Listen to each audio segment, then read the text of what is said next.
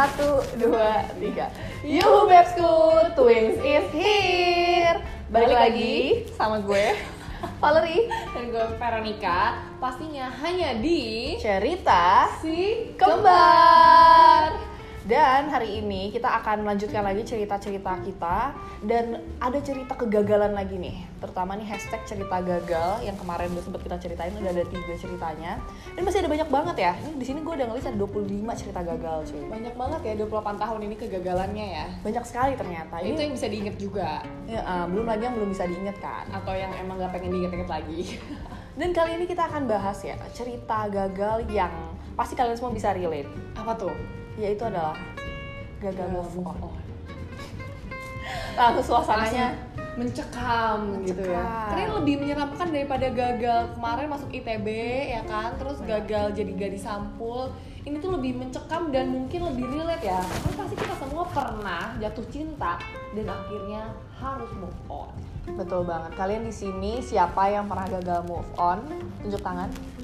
Lu pasti tunjuk tangan Banyak banget ya, banyak banget, banyak banget. Gue gimana ya? Gue udah move on.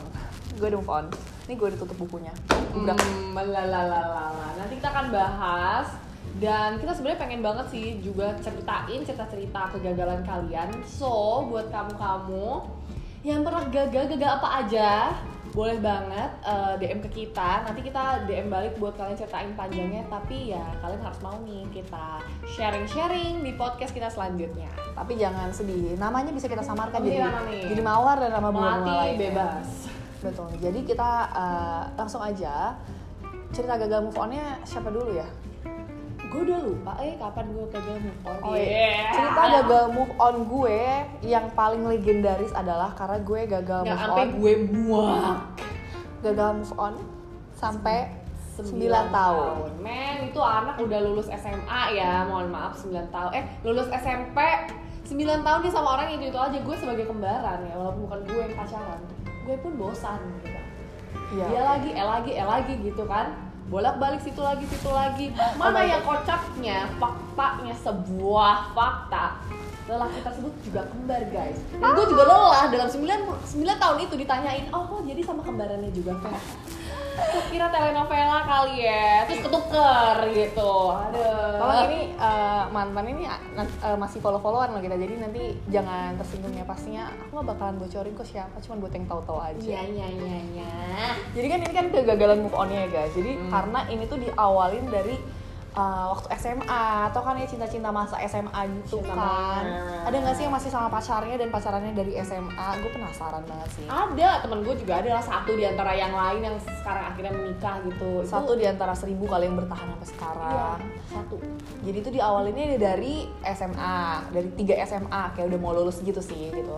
Terus uh, tapi jadiannya baru pas kuliah dan itu udah LDR. Nah itu udah kayak sering banget putus nyambung sih. Jadi 9 tahun itu bukan 9 tahun awet terus ya guys. Jadi tuh kayak nyambung eh, putus nyambung putus nyambung putus nyambung dan putusnya tuh bisa sampai tiga bulan, bisa sampai lima bulan, bisa 10 bulan. 10 bulan yang paling lama. terus apa sih dari sekian kali putus nyambung itu ya Val yang paling sering bikin lo putus apa dan apa juga yang paling sering bikin lo nyambung Jadi kalau misalnya putusnya itu kan eh, biasanya karena biasanya karena ada orang ketiga sih. iya Tapi sebenarnya biasanya aduh gue Aduh. beribet banget ngomongnya. Biasanya tuh dalam keadaan kayak gray area gitu. Jadi kita kayak nggak ada komitmen balikan, terus kita udah keburu oke keburu jauh lagi. Terus kita belum ada momen balikan lagi tapi deket lagi terus nanti gue de- denger lagi ternyata misalnya dia juga deket sama orang lain gue jadi cabut lagi gitu setiap kali gue tahu mungkin ada orang lain gue langsung mundur cabut mundur cantik gitu ya yang jelas gue gak mau dimadu ya guys jadi eh, kalau misalnya gue tahu ada orang lain gue juga akan terlalu gengsi buat eh, apa sih namanya kayak terus-terusan ngekip dia gitu. Gue nggak suka ngekip orang eh, yang apa sih namanya gue nggak cuman nggak cuman kayak gue jadi option gitu gue gak paling aneh deh sama orang-orang yang selalu bilang gue gak mau jadi option. Padahal realitanya ya hidup ini adalah pilihan dan sama dengan pasangan kita kita juga memilih. Eh, maksudnya gue gak mau jadi kita nggak mau jadi pilihan kedua ngerti gak sih maksudnya? Maunya nggak jadi mau pilihan option pertama. kedua. Iya dong harus jadi pilihan pertama. Jadi kalau Yes. gue jadi pilihan kedua ya nggak mau gitu kan. Ya Udah- iyalah siapa sih yang mau? Ada sih tadi gue baru lihat Ada di sih, ini. Gue baru lihat uh, beritanya lagi naik sekarang lagi santer-santernya. Ada satu laki-laki gitu di luar negeri. Dia menceraikan istrinya yang sudah 19 tahun menikah guys. Demi bisa poliandri. Jadi dia bisa pacaran sama dua cewek sekaligus. Kok poliandri sih? Poliandri buat cewek. eh salah. Poligami. Tapi sebenarnya bukan marriage jadi namanya bukan poligami. Tadi poli apa ya? Kan monogami sendiri. Tadi po- poliami lah.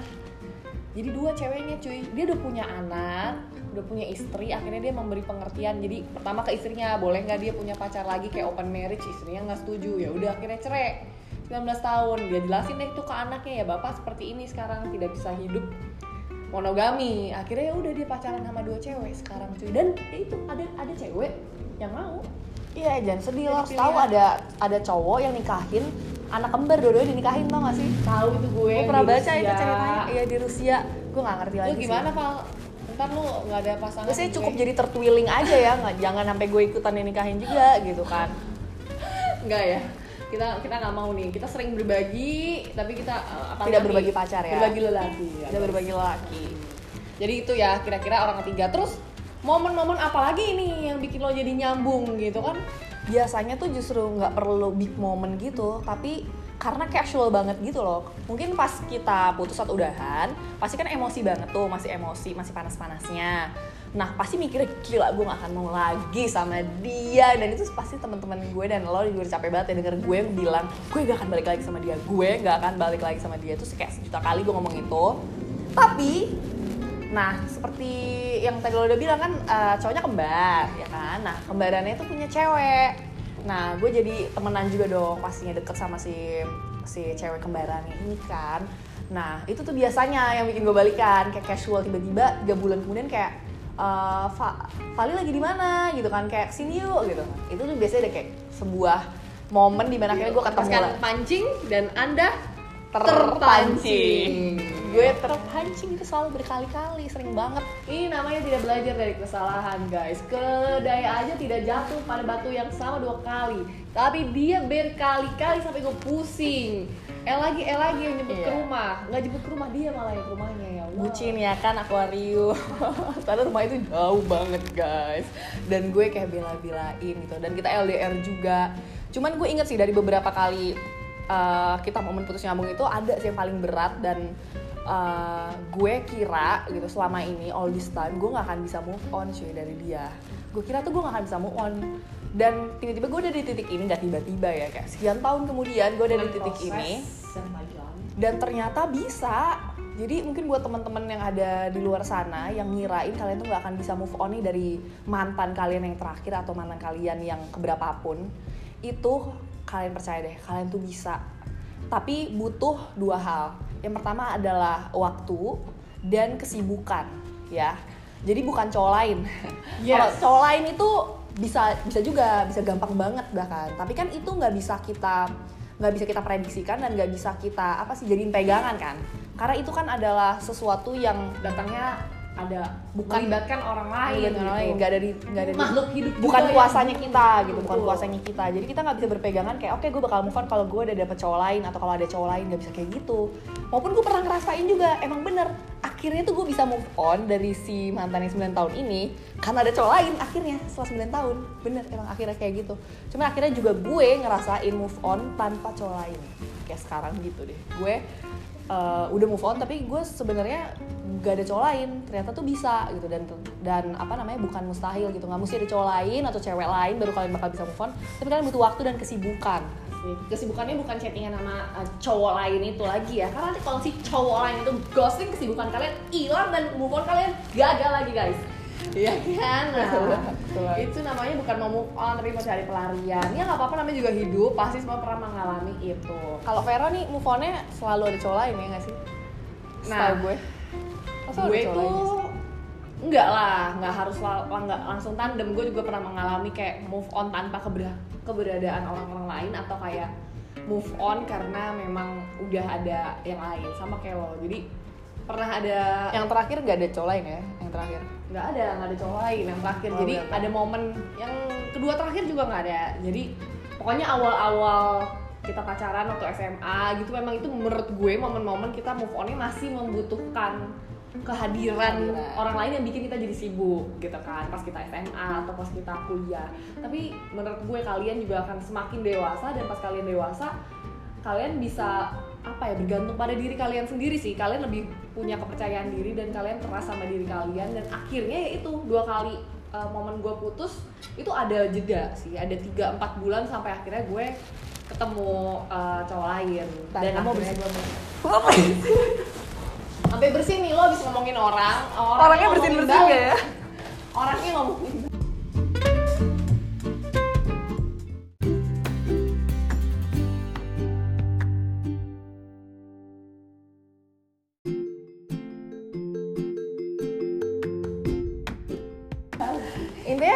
ya lucunya kadang-kadang tuh Vero eh, putus duluan terus nanti dia jadian duluan lagi guys. Itu selalu kayak gitu. Dia tuh palingan jomblo paling lama berapa lama sih? Ya empat bulan lah kayaknya tapi lumayan itu bukan berarti gue tidak bisa hidup tanpa cowok itu kebetulan aja ada uh, kayak gue kalau udah move on gue pasti akan membuka diri. Membuka dirinya bukan kayak oh gue mau cari cowok. Enggak. Gue malah menikmati tuh momen-momen pas nggak ada cowok itu ya. Karena since biasanya itu kalau kita punya pacar gue terutama dari SMA nih misalnya baru pacaran pas SMA ya udah terus gue punya pacar terus abis putus jadian abis putus jadian. Pas gue dapet tuh momen-momen gak ada cowok lagi seperti dulu 16 tahun gue hidup di muka bumi gue ngerasa eh ini loh hidup mm, nggak bergantung sama orang lain kesenangan kita benar-benar bergantung sama diri kita sendiri. Nggak ada orang yang berpotensi mengecewakan kita atau harapan-harapan yang mungkin pupus. kesenangan lo nggak bergantung sama good morning sama good nightnya dari dia. Asik. Itu kadang itu apa sedikit definisi move on dari gue. Kalau definisi move on ala lo apa? Menurut lo move on itu apa?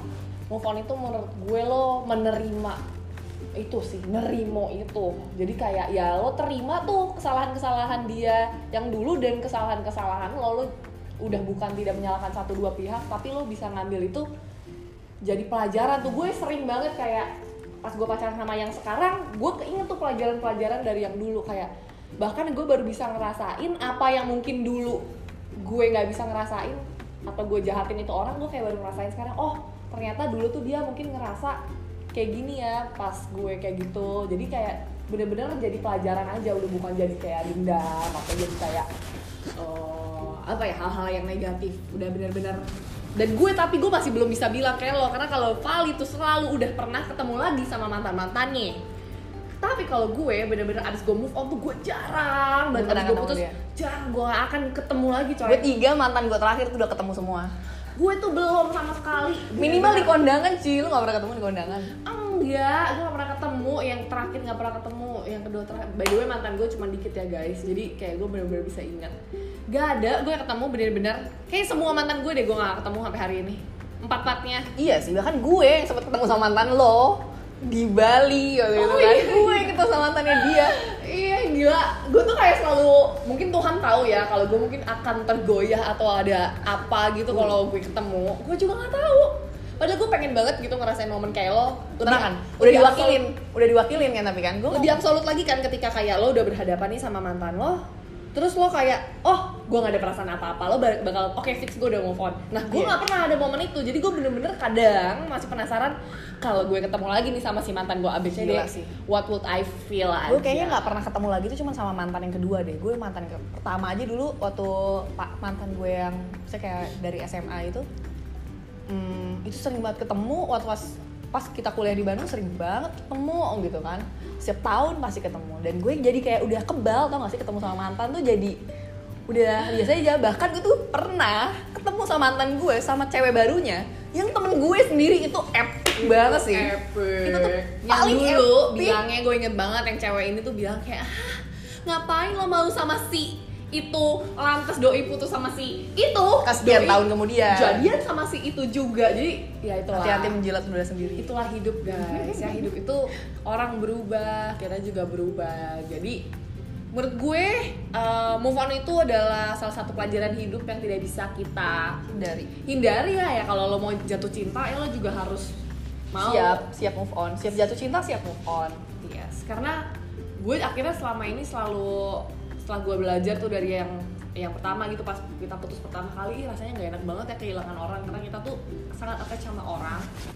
Jadi eh, itu jadi pelajaran gitu. Setiap kali gue ketemu orang baru gue udah nge-picture maksudnya bukan gue mau ngasih asumsi atau kayak apa ya jangan ngasih betox juga terus jadi kenyataan kan. Kayak gue udah bersiap oke ini per- sebuah pertemuan itu akan ada kemungkinan perpisahan. Jadi ya itu lo harus ingat lagi jangan sampai pas lo ketemu orang itu yang tadinya lo tuh punya teman-teman lo punya kesibukan lo punya karir tuh lo tinggalin buat nih orang nanti pas orang itu pergi eh jadi lo nggak punya apa-apa lagi. Padahal orang ini suka sama lo pas awal. Itu ketika lo punya semuanya ketika lo main sama teman-teman lo ketika lo lagi ngejar karir lo ketika lo punya passion.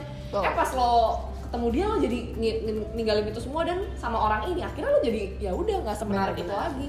Kadang-kadang kita jadi kehilangan uh, diri, Diri kita, karena kita sibuk menjadi diri kita yang kita kira itu disukain sama pasangan kita itu yang bikin malah lama-lama si pasangan kita inilah kok kita jadi less like ourselves yang pertama kali dia suka. Terus nah pertanyaan lagi nih. Move on terberat lo? Tiba-tiba ditanya berat-berat gue. Move on Move terberat on lo apa? terberat gue. Maupun gue tahu ya tapi gue pura-pura nanya aja buat kalian ini guys. Menurut lo yang mana emang? Move on terberat lo ya?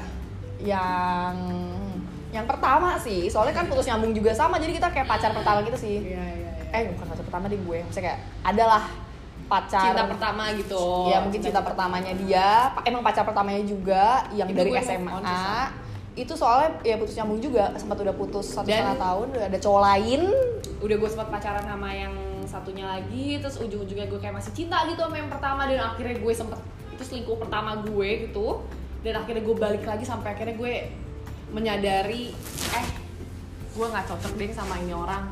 Kayak ya sayang sama cinta tuh datangnya mungkin dari Tuhan gitu ya. Bisa jadi berkah bisa buat jadi pelajaran. Jadi menurut gue eh ya itu harus dikor- harus bisa jadi satu yang dikorbanin juga. Kayak lo sayang sama dia tapi lo nggak bisa ngorbanin diri lo juga. Ketika lo tahu lo nggak cocok sama dia cuma ya nyakitin aja. Jadi itu yang berat itu udah gue menerima harus mengikhlaskan kalau kita tuh sama-sama sayang. Gue takut gue nggak bisa sesayang itu lagi sama orang dan disayangin segitunya sama orang suatu saat nanti gitu. Tapi gue tahu juga kalau kita bareng kayak itu lebih banyak nyakitinnya nggak growingnya posesifnya jahat-jahatin satu sama lain. Dan itu keputusan yang akhirnya gue ambil terus gue ambil lagi gitu karena gue sempet balikan pas gue kuliah dan itu terasa lebih mudah sih dibanding waktu dulu pas SMA emang menurut gue ya pengalaman umur pendewasaan itu semua Tapi- butuh waktu. tapi dia hebat loh pas menghadapi menghadapi pas mau bener-bener move on lagi dari dia yang part 2 gitu kan.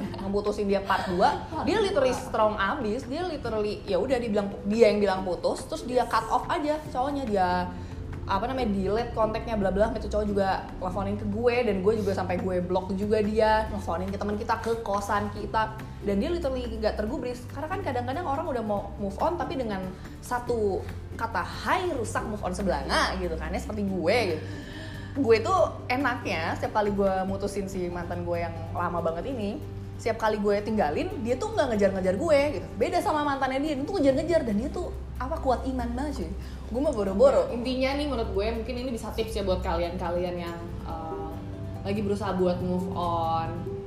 Itu menurut gue kayak ya nggak apa-apa lo sedih-sedihan boleh dulu gitu. Kayak wajar banget lah itu namanya perasaan. Embrace the manusia sadness kayak lo nggak bisa kayak oke gue gue targetin gitu kayak seminggu gue udah tenang. Nggak usah lo ya udah lo sedih lo maknai lo cari tahu atau kayak ya udah lo rasakan aja kesedihan itu. Tapi lo harus sadar juga kan ada kehidupan lain. Biasanya kalau sedih kan kita kayak nggak mau ngapa-ngapain.